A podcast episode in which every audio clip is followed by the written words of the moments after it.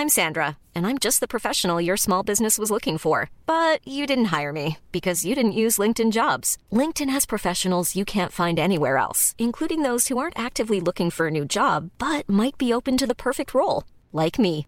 In a given month, over 70% of LinkedIn users don't visit other leading job sites. So if you're not looking on LinkedIn, you'll miss out on great candidates like Sandra. Start hiring professionals like a professional. Post your free job on linkedin.com/people today. Burrow's furniture is built for the way you live. From ensuring easy assembly and disassembly to honoring highly requested new colors for their award-winning seating, they always have their customers in mind. Their modular seating is made out of durable materials to last and grow with you. And with Burrow, you always get fast, free shipping. Get up to 60% off during Burrow's Memorial Day sale at burrow.com slash ACAST. That's burrow.com slash ACAST. burrow.com slash ACAST. When you're ready to pop the question, the last thing you want to do is second guess the ring. At Bluenile.com, you can design a one of a kind ring with the ease and convenience of shopping online. Choose your diamond and setting. When you find the one, you'll get it delivered right to your door. Go to Bluenile.com and use promo code LISTEN to get $50 off your purchase of $500 or more. That's code LISTEN at Bluenile.com for $50 off your purchase. Bluenile.com code LISTEN. Palmemordet, Lisbeth del 5. Jag heter Dan och idag har jag med mig en gäst. David! Hej David! Hejsan hejsan! Hej! Du hade gjort några intressanta intervjuer för närradion Ja. i ämnet Palmemordet som jag fick äran att höra och eh, det imponerade på mig väldigt mycket. Så då tänkte jag att du skulle få med här. Mm. Men först kanske du kan berätta för lyssnarna vem du är. Jag är 44 år, bor i Eskilstuna. Jobbar som... eh, Jag, gör, jag är taltidningsredaktör. Jag gör taltidningar för synskadade. Ja. Och även en lättläst tidning för sörmländska läsare. Jaha. Jag har väl varit intresserad av Palmemordet ända sedan... Sen, ja, i stort sett åren runt där precis när det hände. Jag kommer du ihåg vad du gjorde när det hände? Ja, jag var på landet. Låg och sov. Och sen på morgonen så kom min syster in och sa att det inte var någon Godmorgon Sverige för att Palme var skjuten. Och vi, jag och min kompis som var där också skrattade bara åt att han tänkte lägga av. Och sen gick jag ner och kollade och så såg man då det här. Jag minns det väldigt väl. Det var en lite otäck känsla just där. där när, man, när det såg klart att man inte riktigt visste vad som kunde hända efter. Om det var början på någon statskupp eller... Man visste ju liksom inte alls vad det var. Nej. Och sen blev det mer och mer så att eh, det var ganska uppenbart att det var en massa schabbel i utredningen. Och då var, Ja. blev det någonting som man intresserade sig för. Och sen när jag då har, jag har jobbat mycket med radio och så. Då har jag haft möjlighet att göra sådana här grejer. Och då har jag passat på. Ja, hur... eh, När gjorde du första intervjun? Första intervjun var nog runt 94-95 ungefär. Det var i samband med när eh, Norra Magasinet Striptease hade sina program. Ja. Då hade jag en del korrespondens med Lars Borgnäs och fick en intervju med honom. Och sen så fick jag tag i flera av de personer som han då har intervjuat. Tänkte jag, det är frågor som jag själv skulle vilja ställa och så. Så då förstod jag att det bästa sättet är att ställa de frågorna själv och försöka få tag i dem. Och det har jag fått. Och det har jag fortsatt sen. Och så har det varit. Så har det blivit. Och vi ska återkomma till dina intervjuer i ett annat avsnitt för jag fått tillåtelse att publicera dem i podden. Absolut, absolut. Så det kommer bli ett avsnitt med fem intervjuer och det kommer förmodligen ganska snart. Men idag ska vi prata om Lisbeth. Har du någon mer upplevelse av Palmemordet? och så här? Har du alltså följt med hela tiden? Ja, i, i stort sett har jag gjort det. Mitt, mitt första minne var den res- rekonstruktion som Janne Bergqvist bland annat gjorde i Rekordmagasinet. För länge, länge, länge sedan. Så gjorde de en rekonstruktion över det hela. Och då var det, då var det först som jag började intressera mig för det. Men jag, ja, det har funnits där lite. Det går ju dag, precis som du säkert också känner, så går det där lite i perioder. Ibland är man jättenere i det och ibland så är det annat som får... Jag har mer gått från väldigt lite till väldigt mycket och sen Okej. legat högt. Okej, det sen, sen den här podden startade. Ja. Ja, men så är det. En dag ska jag redogöra för vad jag trodde om Palmemordet för två år sedan. Oj, Men det, vilken clue. ja, det ska jag inte göra här.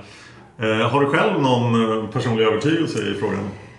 Nej, alltså Nej, jag kan väl säga om man ska se det som stort så är det så att jag är ingen vän av slump. Det, det, finns, det är så många, det finns många olika delar inom det här. Alltså det, det är så mycket som är så många tillfälligheter som sammanträffar och det är ganska olustigt. Ja. Jag kan säga att jag, jag är inte helt säker. Jag har alltid varit säker, eller jag har alltid trott att det finns inblandning av, av poliser. Ja. Men i vilken grad och hur har jag inte en aning om. Det enda jag känner mig rätt säker på det är att det inte är Christer Pettersson. Okej. Och det var jag rätt tidigt inne på att, att han var någon slags scapegoat. Ja, då kommer det skilja rätt mycket från Lisbeth i dagens avsnitt. Eftersom hon kommer att vara rätt övertygad i den frågan. Något annat du vill delge innan vi drar igång med huvudämnet? Nej, det kommer väl bort efter det kanske. Ja. Ja, och nu ska vi försöka ta reda på vad Lisbeth egentligen gjorde efter tingsrätten. Det första som händer är hovrätten. Men jag har inte fått tag på handlingarna från hovrätten.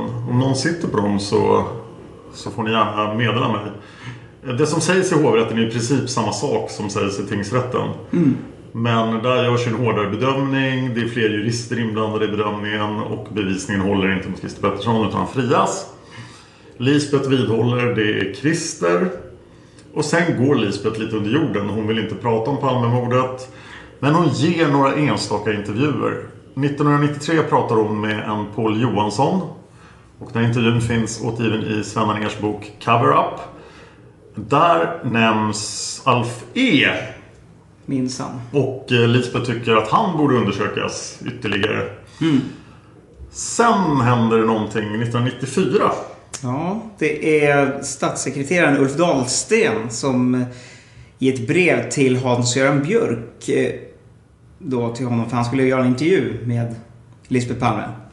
Skriver Lisbeth Palme ringde mig efter konfrontationen med Christer Pettersson. Hon hade upplevt att konfrontationen var som en chock eftersom hon inte väntat sig att se mördaren, som hon uttryckte sig. Hon var därför mycket olycklig över konfrontationens förlopp. Hon ansåg att det inte fanns någon som liknade mördarbeskrivningen mer än Christer Pettersson, vilket minskade värdet av konfrontationen. Han var den enda alkoholiserade, till exempel, påpekar hon. Och Dahlsten bidrog i brevet med en annan överraskande upplysning. Lisbeth Palme berättade om sitt samtal med Hans Holmér ett par veckor efter det att det hade ägt rum. Min minnesbild är att hon uttryckte sig på följande sätt. Som psykolog gör jag den bedömningen att mördaren är alkoholiserad. Hans reaktion inför dådet tyder också på att han dödat förut. Så redan i mars 1986 ska Lisbeth Palme ha sagt att mördaren är alkoholiserad och att han har dödat förut. Och det är en supersensationell uppgift som kommer fram här. Det är det ju definitivt. Som stärker caset Christer Pettersson. Men varför skulle det här... Då skulle Hans Holmér då ha tyckt att nej, så kan det inte vara och strukit det. Men Lisbeth borde ju ha nämnt det i tingsrätten. Man tycker att det borde vara en sak som kunde vara bra för dem att veta, ja. Ja. Och nu läser vi ur En iskall vind av Lars Borgnäs. Ja. Några sådana kommentarer finns inte med i Holmers samtalsuppteckning i mars 1986. Holmér förnekade senare att Lisbeth skulle ha sagt något sådant till honom. Efter samtal, eftersom samtalet inte är bandat så står ord mot ord. Om Dahlstens påstående är korrekt skulle alltså Lisbeth Palme på mordplatsen ha gjort bedömningen yrkesmässigt att mördaren var alkoholist och dessutom hade dödat tidigare. Bedömningen att han var alkoholist måste rimligen ställas bredvid bedömningen att mördaren citat gjorde ett spänstigt, vältränat intryck på henne, slutcitat. Som han uppgav i förhöret med Rikskriminalen i april-maj 1986. De två tycks inte vara helt enkla att förena. Nej, verkligen inte. Nej.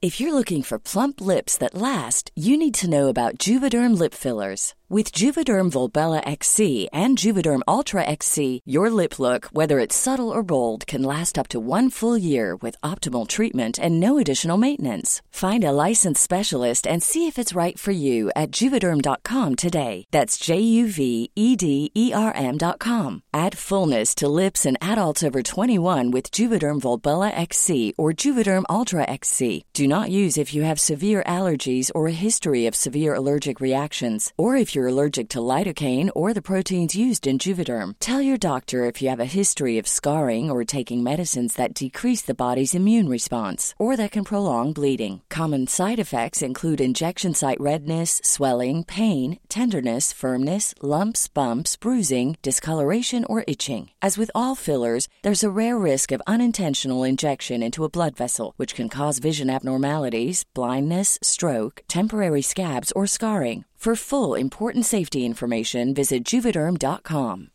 If you're looking for plump lips that last, you need to know about Juvederm lip fillers. With Juvederm Volbella XC and Juvederm Ultra XC, your lip look, whether it's subtle or bold, can last up to one full year with optimal treatment and no additional maintenance. Find a licensed specialist and see if it's right for you at juvederm.com today. That's J U V E D E R M.com. Add fullness to lips in adults over 21 with Juvederm Volbella XC or Juvederm Ultra XC. Do not use if you have severe allergies or a history of severe allergic reactions, or if you're allergic to lidocaine or the proteins used in Juvederm. Tell your doctor if you have a history of scarring or taking medicines that decrease the body's immune response or that can prolong bleeding. Common side effects include injection site redness, swelling, pain, tenderness, firmness, lumps, bumps, bruising, discoloration, or itching. As with all fillers, there's a rare risk of unintentional injection into a blood vessel, which can cause vision abnormalities, blindness, stroke, temporary scabs, or scarring. For full important safety information, visit juvederm.com.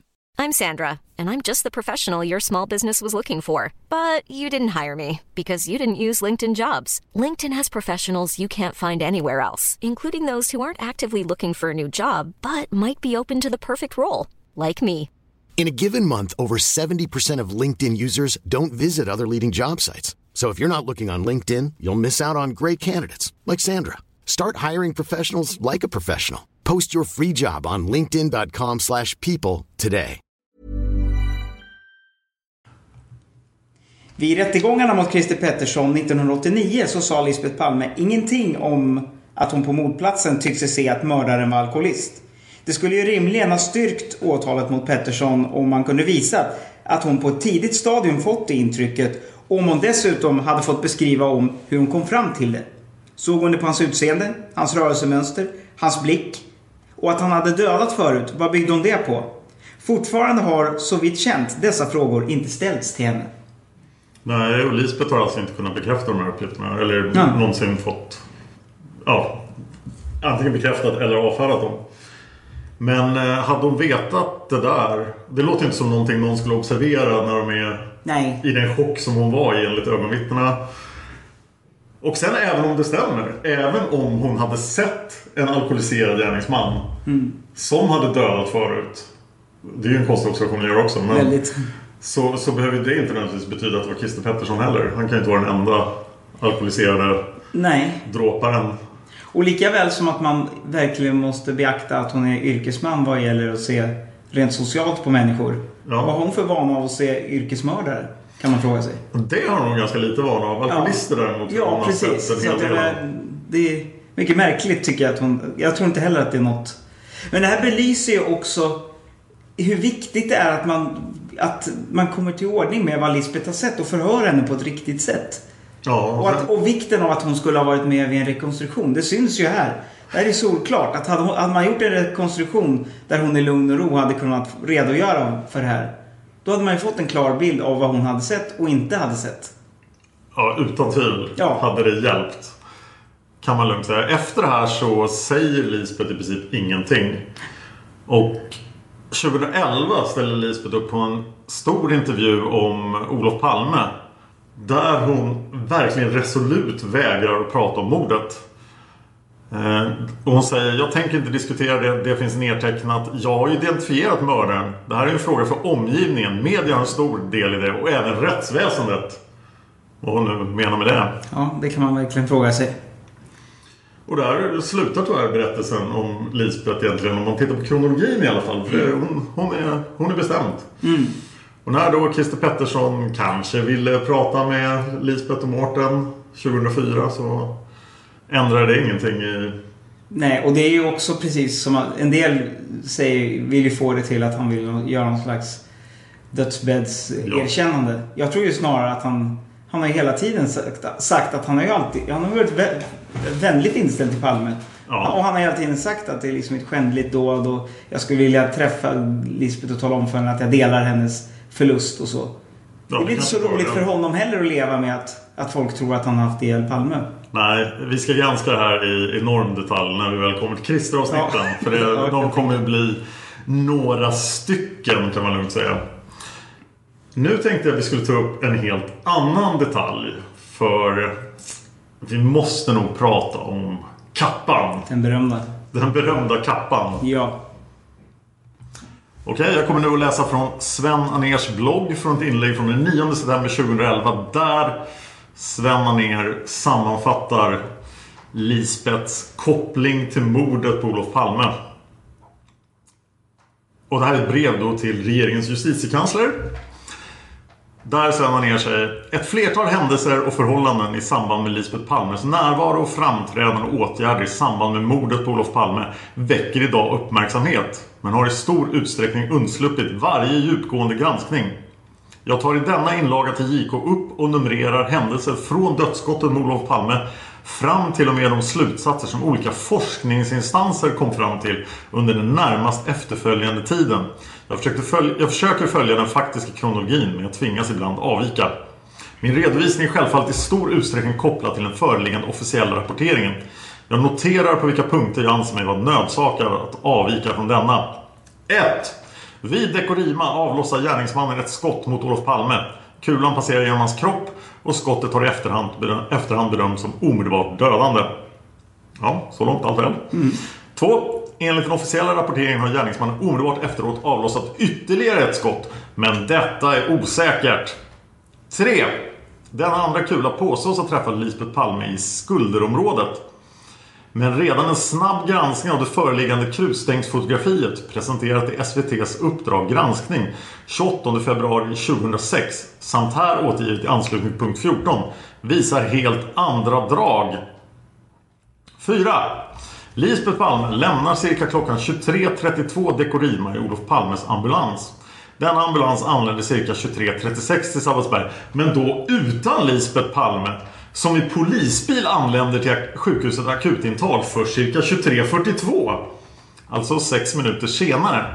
Detta är en av de största egendomligheterna i samband med Lisbeth Palmes agerande och bör enligt min mening noggrant undersökas. Att en hustru lämnar en ännu ej dödförklarad makes ambulans under ilfart till sjukhus är milt talat uppseendeväckande. Och det är det ju. Det är det ju Så nu får vi ju fundera på hur 17 han kom fram till det. 5. Då Lisbeth Palme cirka 23.42 anlände till Sabbatsberg är hon iförd en annan kappa än den hon bar vid Dekorima. Då bar hon en mockakappa, nu bär hon en mörk tygkappa med schleif och kapuschong. Vad är en schleif? Ja, det är väl liknande kapuschong? Tror jag. Ja. Om någon vet vad en schleif är så berätta det.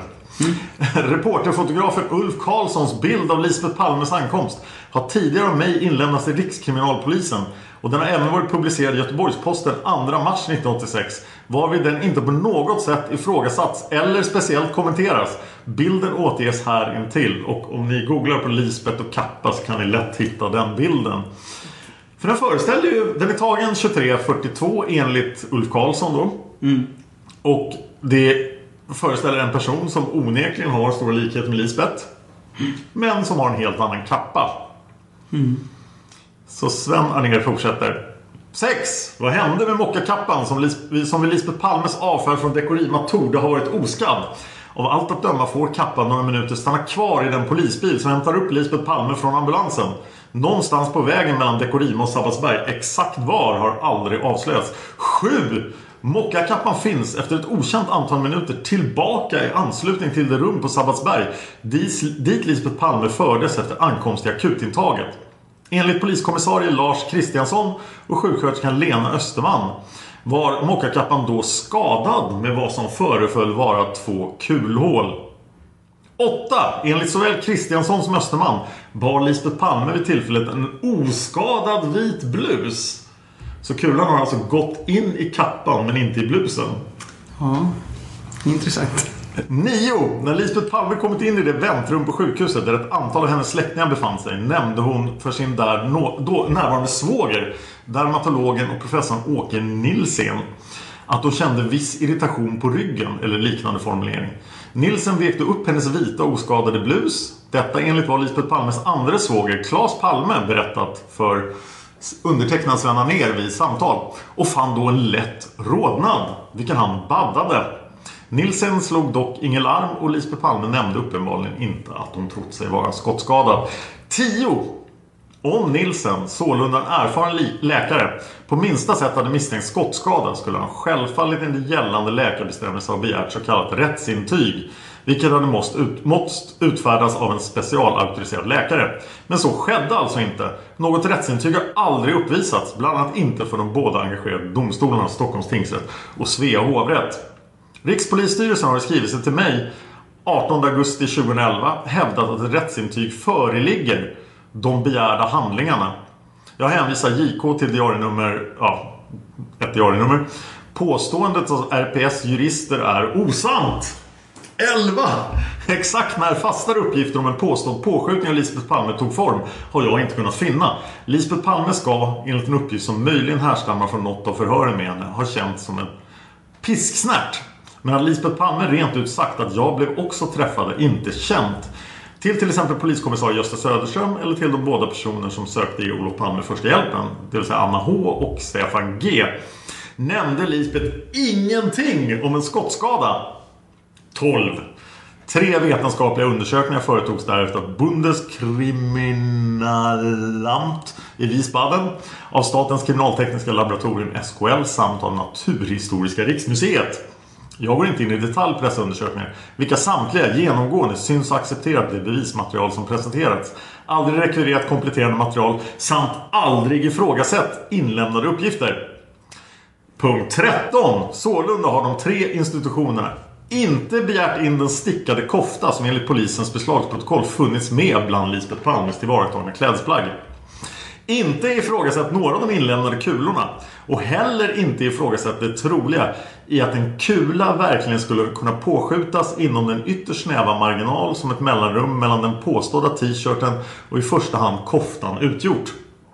Inte frågat sig varför inget rättsintyg rörande den påstådda skadan uppvisats samt heller inte frågat hur en vit blus kunnat förvandlas till en t-shirt som fick bli det plagg som falskeligen översändes till institutionen för granskning.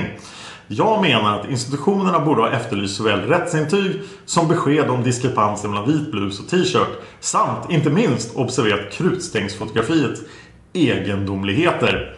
14. Jag fäster än en gång uppmärksamheten vid det krutstängsfotografi som visades Uppdrag granskning. Jag kan av detta fotografi inte dra en annan slutsats än att t-shirten i fråga, vilken aldrig burits av Lisbeth Palme, separat men vid ett tillfälle förmodligen efter mordet beskjutits vid ett arrangemang som var ämnat att visa att t-shirten Dekorima burits av den påskjutna Lisbeth Palme. I själva verket har arrangemanget så tida misslyckats som avståndet mellan vad som ska föreställa de båda skulderbladen är ganska exakt hälften så långt som det borde vara om en människa påskjutits. 15! Nyssnämnda förhållanden ger upphov till ytterligare reflektioner. Om kulstängsbilden i själva verket uppstått vid skjutning av en kula som godtagits av de tre instanserna som den faktiska Lisbetkulan, måste denna kula avlossas från just det vapen som användes vid dödsskjutningen av Olof Palme. Arrangörerna måste alltså ha haft tillgång till det faktiska mordvapnet för att kunna komplettera med ett i efterhand avlossat trovärdigt Lisbeth-skott. Annars skulle inte de tre instanserna kunna godta den Lisbeth-kula som överlämnas till dem som en äkta systerkula till mordkulan.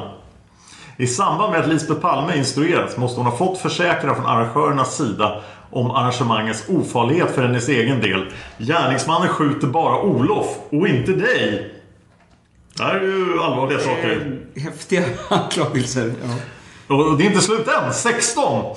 Om mitt ovanstående resonemang är korrekt uppstår ett mycket klart indicium slash bevis för att mordet på Olof Palme utfördes av en person med vilken mordets arrangörer hade synnerligen god kontakt och hos vilka de kunde hämta det faktiska mordvapnet. 17. Jag har som jag förut skickade hittills i princip följt en förmodad kronologi grundad på antagandet att viktiga händelser har ägt rum efter mordet. I själva verket kan några av dessa händelser ägt rum före mordet. 18. Mordet har nämligen, menar jag, alls icke utförs av en ensam möjligen vilsegången person utan av, för att citera ett aldrig dementerat tv-uttalande den 28 februari i år, alltså 2011 av Rikspolisstyrelsen officiella talesman, professorn och chefskriminologen Leif GW Persson medlemmar av en konspiration med poliser, militärer och säkerhetspersoner. Lisbeth Palme måste, med eller mot sin vilja, ha samarbetat med dessa konspiratörer vilket medfört så ytterligt märkliga konsekvenser som det falskeligen påstådda nuddande skottet, den bytta kappan samt det obefintliga rättsintyget. Är det då så viktigt hur Lisbeth Palme har reagerat? Hon har dock varit en biperson i morddramat. Det kan sägas. Det kan också med stor tyngd sägas att hon hela tiden har varit och är en huvudperson. Lika viktig som sin mördade make, lika viktig som gärningsmannen. Mordet har av konspiratörerna klistrats vid Lisbeth Palmes person. 19! Det går bra att vända på situationen.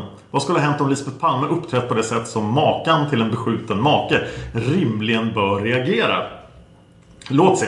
Skottet faller helt oväntat. Makan blir förtvivlad, medföljer tillkallad ambulans till sjukhus. Så långt stämmer den faktiska händelseutvecklingen med mönstret. Sen följer divergenserna slag i slag. A. Lisbeth Palme överger sin döende eller döde make på vägen till sjukhuset. Detta är inte normalt. B. Hon byter kappa, vilket givetvis är en sensationell avvikelse från mönstret. Vem bryr sig om kläder i ett ögonblick som detta? C. Hon får med cirka 6 minuters fördröjning skjuts med polisbil till sjukhuset. D. Den numera till synes skottskadade mockakappan finns efter ett antal minuter oväntat tillgänglig på sjukhuset. Helt ovisst hur den kommer dit. Och hur den blivit beskjuten. Både Kristiansson och Österman uppger sig ha sett kulhål. E. Lisbeth Palmes vita blus transsubstansieras till en t-shirt då plaggen ska sändas till Visbaden. När sker detta skifte? F. Krutstängsfotografiet är uppenbart taget till ett helt annat tillfälle varvid Lisbeth Palme ej varit närvarande. Okej, nu tillbaka till den ursprungliga uppräkningen. 20, vilket faktiskt verkar vara den sista punkten. I vilken utsträckning har Lisbeth Palme varit medveten om arrangemang som förekommit? Det är naturligtvis en viktig fråga. Låt se, jag följer löpande numren. 3-9, ja här framstår det självfallet som att Lisbeth Palme varit noggrant förhandsinformerad samt följt konspirationens order i stora drag enligt önskan.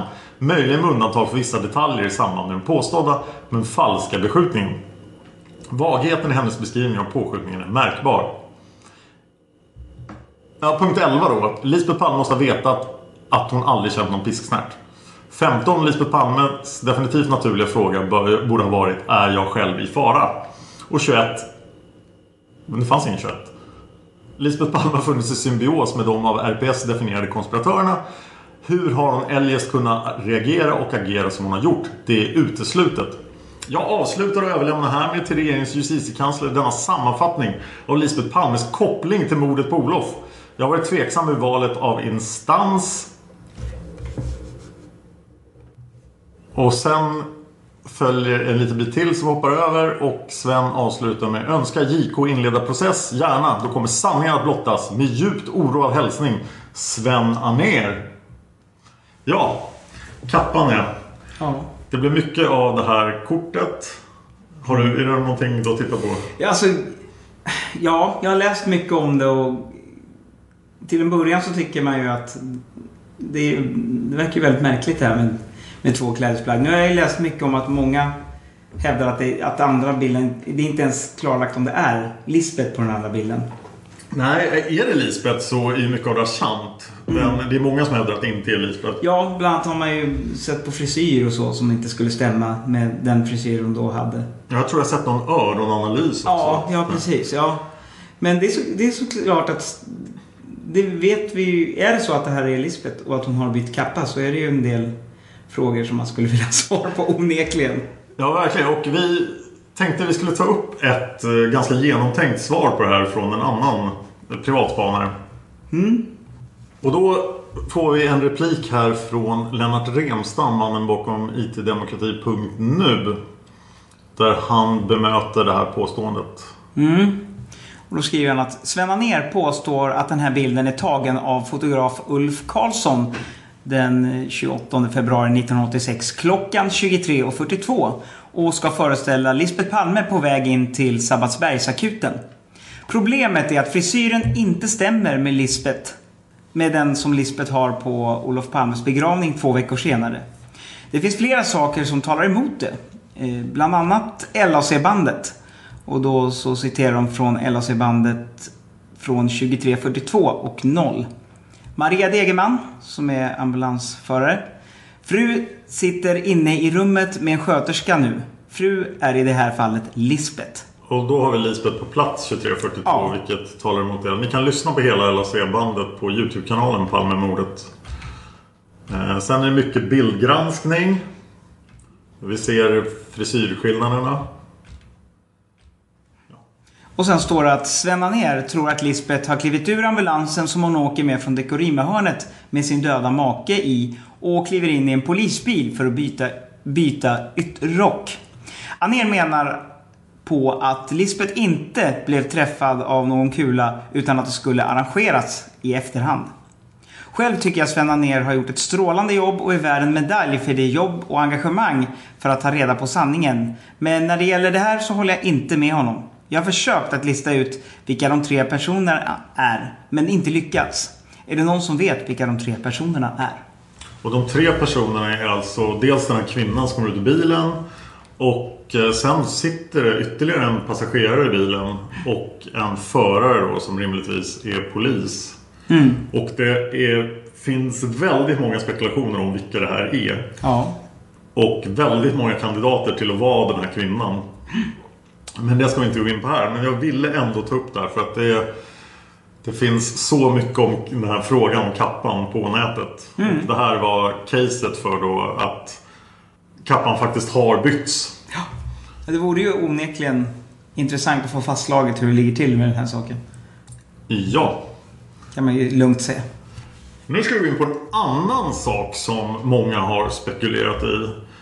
Att Lisbeth faktiskt aldrig såg mördarens ansikte. Och i så fall är ju de flesta förhör med Lisbeth förlorar ju väldigt mycket värde. För vi har ju sett hur Lisbeths bild av gärningsmannen växer fram. Och att hon från början inte har någon vidare bild av det. I Inuti labyrinten då, boken av bröderna Putiainen så förs ett ganska långt resonemang då om Lisbets fyra observationer. Det här med att det hon först ser är en man som står där. De hävdar med säkerhet att det är Anders B, vittnet. Sen ser hon en man på lång, längre avstånd som är den här mystiska andra gärningsmannen då. Sen ser hon någon som springer iväg och det är förmodligen den riktiga gärningsmannen. Sen lite senare ser hon någon som står och tittar tillbaka på henne och det är förmodligen vittnet Lars J. Eh, och det här är en ganska vanlig teori. Och i, om det här stämmer, då har hon inte sett gärningsmannens ansikte. Utan det enda ansikte hon har sagt är Anders B. Det här har vi pratat lite om tidigare. Men KG Svensson, som ju var första åklagaren i målet. Han eh, intervjuades av Örnsköldsvik Allehanda i slutet av juni 1994. Och eh, det ledde till Expressen följde upp det och hade en första sida där det stod Lisbeth såg aldrig mördaren. Och då står det att KG Svensson menar att Lisbeth Palme inte alls har sett Christer Pettersson som senare pekade ut som mördaren vid konfrontation. Istället är det troligt att hon har sett ett vittne i blå jacka som kom fram mot paret Palme just efter mordet. I sina första utsagor har hon nämnt just en man i blå jacka, säger KG Svensson. Därför blev jag mycket förvånad över med vilken säkerhet Lisbeth Palme kunnat peka ut Christer Pettersson. Hans Ölvebro som då var spaningsledare blev eh, tillfrågad om en kommentar. Eh, och Hans Ölvebro tror att KG Svensson minnesbild av Palmeutredningen inte är riktigt klar. Det är åtta år sedan han var med i utredningen. Efter så här lång tid är det lätt att vissa detaljer i minnet blir felaktiga. Men KG Svensson och Holmer var ju rörande överens just om att det var Anders B som Lisbeth såg där först. Och det är ju vid den observationen som hon kan se ansiktet. Så och om det är så, då har ju... Då finns det inget vittnesmål egentligen. Nej. Om, om mördarens ansikte. Sen har vi här en artikel av Anders Leopold som är från ja, den 25 oktober. Nej. 01 10 25. Ja, det stämmer. 25 oktober 2001. Ja. Och eh, det är också ett argument då för att Lisbeth inte såg mördarens ansikte. Lisbeth Palme såg inte mördarens ansikte och kunde därför inte peka ut honom. Det fick juristerna, det fick juristerna att underkänna hennes vittnesmål är då rubriken. Jag vet vem som mördade min man. Det säger Lisbeth Palme till Dagens Nyheter. Och hon menar Christer Pettersson. Sanningen är att Lisbeth Palme inte såg mördarens ansikte och därför inte kan peka ut honom. Den 4 april 1986 sa dåvarande statssekreteraren och Olof Palmes personlige säkerhetschef Ulf Dahlsten i en intervju till Expressen. Det var mörkt och mannen stod i skuggan. Därför kan hon inte säga om den så kallade fantombilden stämmer överens med mördarens utseende. Jo, det är samma Ulf Dahlsten som nu i en bok skriver att Lisbeth Palme har sagt att Svea hovrätt var jävig i sin friande dom mot Christer Pettersson den 2 november 1989. I Sveriges Radio sa Ulf Dahlsten citat Rättens ordförande, hovrättspresidenten Birgitta Blom och Olof Palme hade varit bittra motståndare under studenttiden. Det är naturligtvis olyckligt om rättens ordförande av personliga skäl haft svårt att se objektivt på hennes vittnesmål. Hovrättens tre jurister och tre nämndemän underkände Lisbeth Palmes utpekande av Christer Pettersson. Det gjorde också juristerna i tingsrätten och juristerna i Högsta domstolen. För det första har Ulf Dahlsten fel. De felaktiga uppgifterna upprepades flera gånger i radion. Det var Birgitta Bloms make som polemiserade med Olof Palme under studenttiden, inte ordföranden i mordrättegången. Och det måste anses som en viss skillnad. För det andra är det inte klokt av Lisbeth Palme att gräva fram något sådant och därmed misstänkliggöra tre höga jurister för att ha missbrukat sin ställning i en avgörande del av det största kriminalfall som avhandlats i en svensk domstol. Det här är en allvarlig anklagelse mot dessa jurister och slår tillbaka mot fru Palmes egen trovärdighet. Så här sa Birgitta Blom sakligt och lugnt i en radiointervju tidigare. Det finns ingen grund för ett sådant påstående. Jag hade bara positiva intryck av Olof Palme och min man respekterade honom. De hade dock olika politiska åsikter. Hon kunde gott ha tagit till ett fränare ordval. Där måste jag hoppa in. Alltså här är... Alltså Olof Palme och Birgitta Bloms make har bråkat med varandra under studenttiden. Ja. Och då skulle alltså Birgitta Blom då som presiderar över hovrätten vid rättegången Christer Pettersson ha tänkt att du, din make bråkade med min make för 40 år sedan. Nu är det payback time. Nu ska du få! Ja. Nu ska jag se till att den här alkoholisten från Rotebro inte blir fälld Ja, trots att han har mördat statsministern. Ja. Ja, det är fantastiskt. Ja, varsågod och fortsätt. Ja.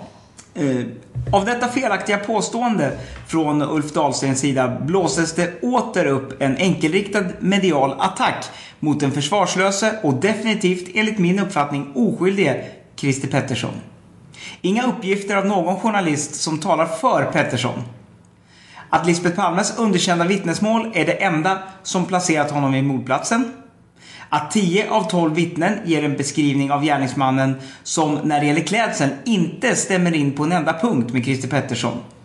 Att hans fysiska kondition var sån att han omöjligt kan ha tagit sig springande uppför den 89 trappstegen på Tunnelgatan och fortfarande springande ta sig ner mot Regeringsgatan.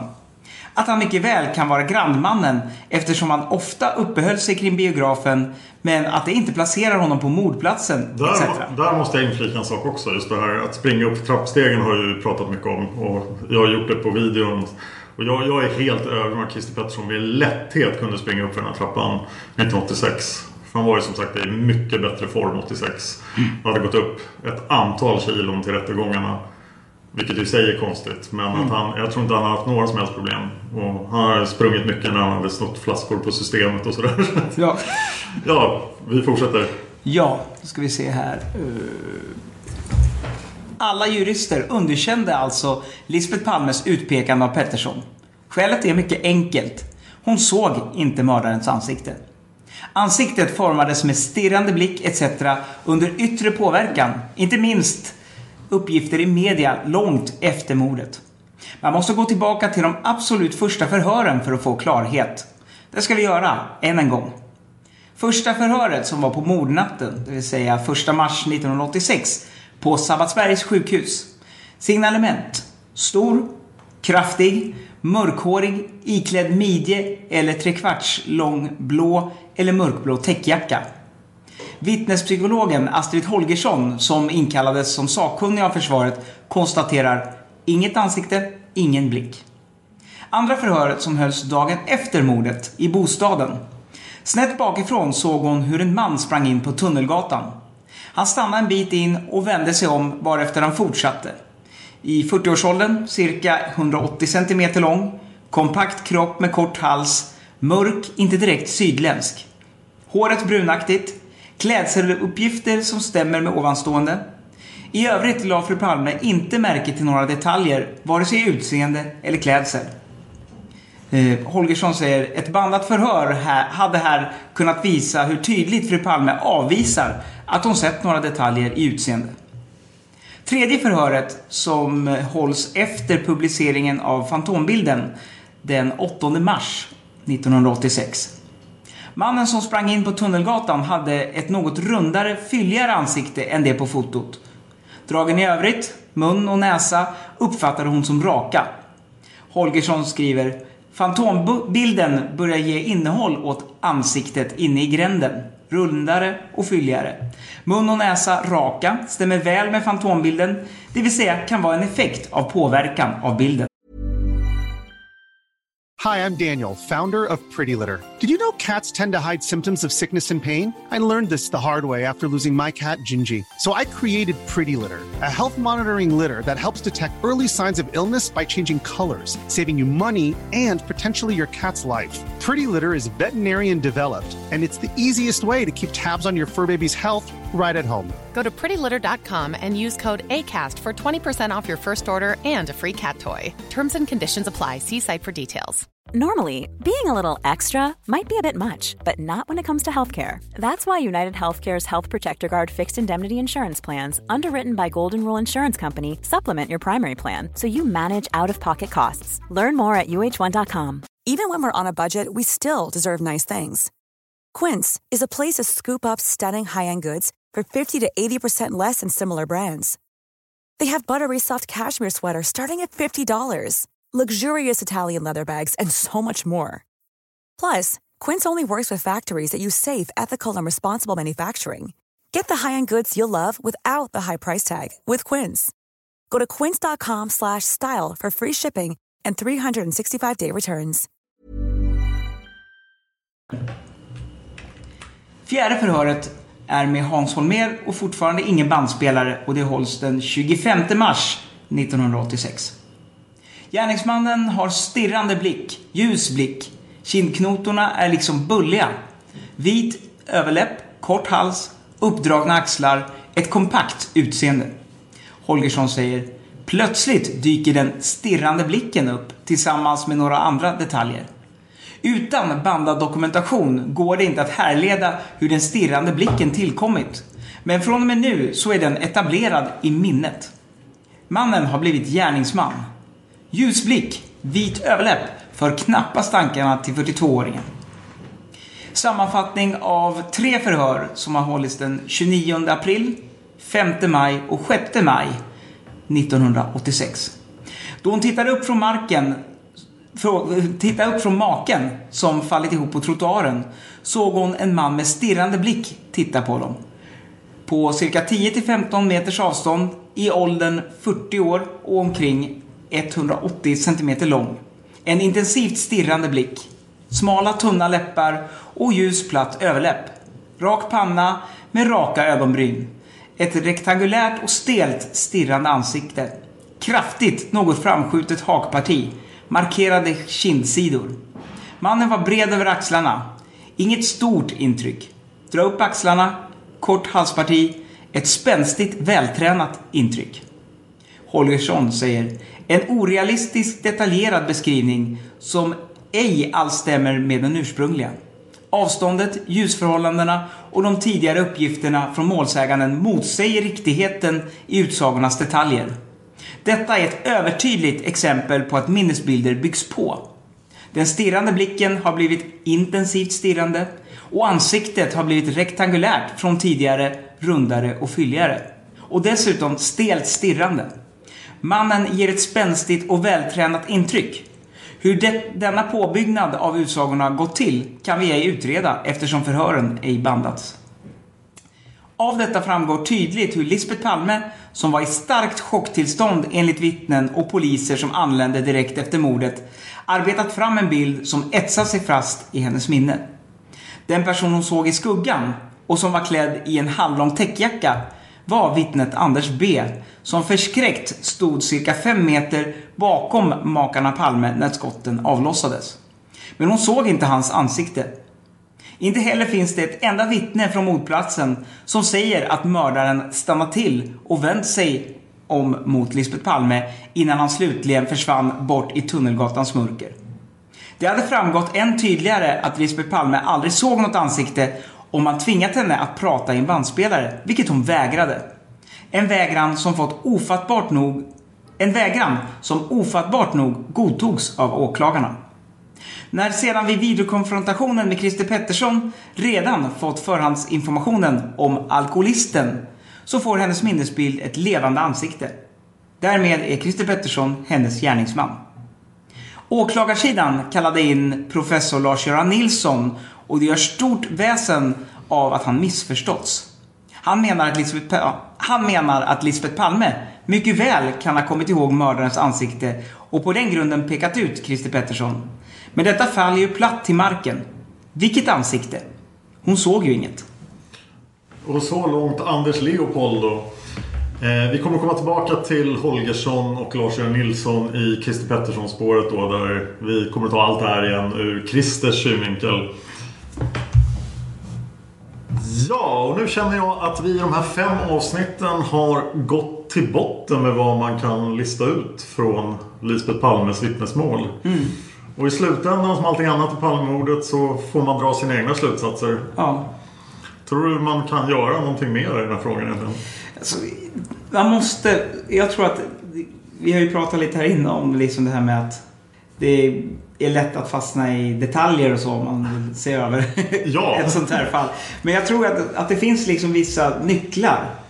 Ja. Man måste liksom se på helheten och en av dem är ju Lisbeth Palme.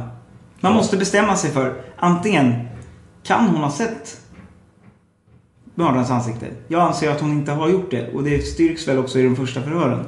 Och det blir osäkert på ganska många nivåer. För att, Mm. okej, har hon sett ansiktet eller inte? Har hon sett ansiktet? Vad har hon då egentligen sett? Och hur väl rimmar det med Christer Pettersson? Mm. Och är det så att hon inte har sett eller att det inte går att styrka vad det är hon, vad det är hon har sett. Ja, då, då måste man ju börja från scratch. Då är ju hon diskvalificerad som vittne, på säga. Men det är, hon kan ju inte användas i, på nytt igen ändå. Nej, det här är ju orsakat då att gjort, eh, om någon annan någonsin ställs till rätta inför för Palmemordet så har ju försvaret eh, väldigt lätt. För det enda de behöver peka på är en alternativ gärningsman. Mm. Och då, ja men Christer Pettersson då? Lisbeth Palme har ju pekat ut honom. Ja. Och det har gjort att det har blivit väldigt svårt att fälla någon annan. Lisbeth fyller 86 snart. Och eh, tror du hon skulle kunna bidra med någon mer uppgift? För att det, det finns ju folk som vill att eh, hon ska förhöras igen. Det är ju... Alltså frågan är, alltså det, måste, det är ju ingen som helst idé att göra ett förhör om inte hon själv kommer och vill göra det. För att, Jag vill ändra det. ja, exakt. Ja, för det är ju ingen mening med att, hon, att man gör samma runda igen. När det har gått ännu ytterligare 20-30 år sedan sist. Det, det ger ju ingenting. Nej, och man kan ju nästan förutsäga vad hon skulle säga. Ja, jag har gett mitt vittnesmål. Hon har ju sagt det Ja. hela tiden. Jag har gett mitt vittnesmål och det är det jag har att säga. Ja. Eh, frågan är som, om hon vill, så att säga, det- vi ska ju alla den vägen vandra så förr eller senare tar ju allt slut. Ja. Frågan är om det är några oegentligheter som hon kan redovisa. Om det är någonting som man kan hoppas på att hon vill göra innan. Det har också lagts fram att det måste finnas fler förhör som vi inte känner till. Och eh, 2000, 2014 så skrevs en artikel just om att släpp resten av Lisbeth-förhören. För det finns små indicier som pekar på att det finns andra förhör. Och jag tror ju i princip att det finns andra förhör med nästan alla vittnen i Palmemordet som inte har släppts. Eh, och ja, det har vi talat om förut också, men just den här mängden vittnesförhör som Hans Holmér nämner i sin bok är ju väsentligt större än den mängd förhör som finns tillgängliga. Det skulle ju också förklara varför hon med en dåres envishet säger att jag har sagt allting jag har, jag har att säga. Ja, Det skulle ju kunna förklara det. Så man vet ju liksom inte. Men om hon skulle vilja, om hon vill bidra till att det här löser sig och om hon sitter på viktiga fakta så hoppas man att det kommer fram någon gång. Ja. Och där lämnar vi Lisbeth men vi får en anledning att komma tillbaka till den när vi kommer till Christer då. Palmemordet finns på Facebook och på Youtube. Bara söka på Palmemordet. Om ni tycker den här podden är jättebra så får ni gärna bidra på patreon.com palmemordet. Det går även bra med Swish. Fråga mig på Facebook i så fall. Då vill jag avsluta med att tacka dig David för att du kom hit. Tack själv, jättekul. Och nu var ditt, eh, sa jag fel på ditt efternamn innan vi började podda så vi har inte nämnt det här. Men det är alltså David Lyning. Lyning, ja. Ja. Skönt att jag inte sa fel i podden. Jajamän. Tack så mycket. Tack.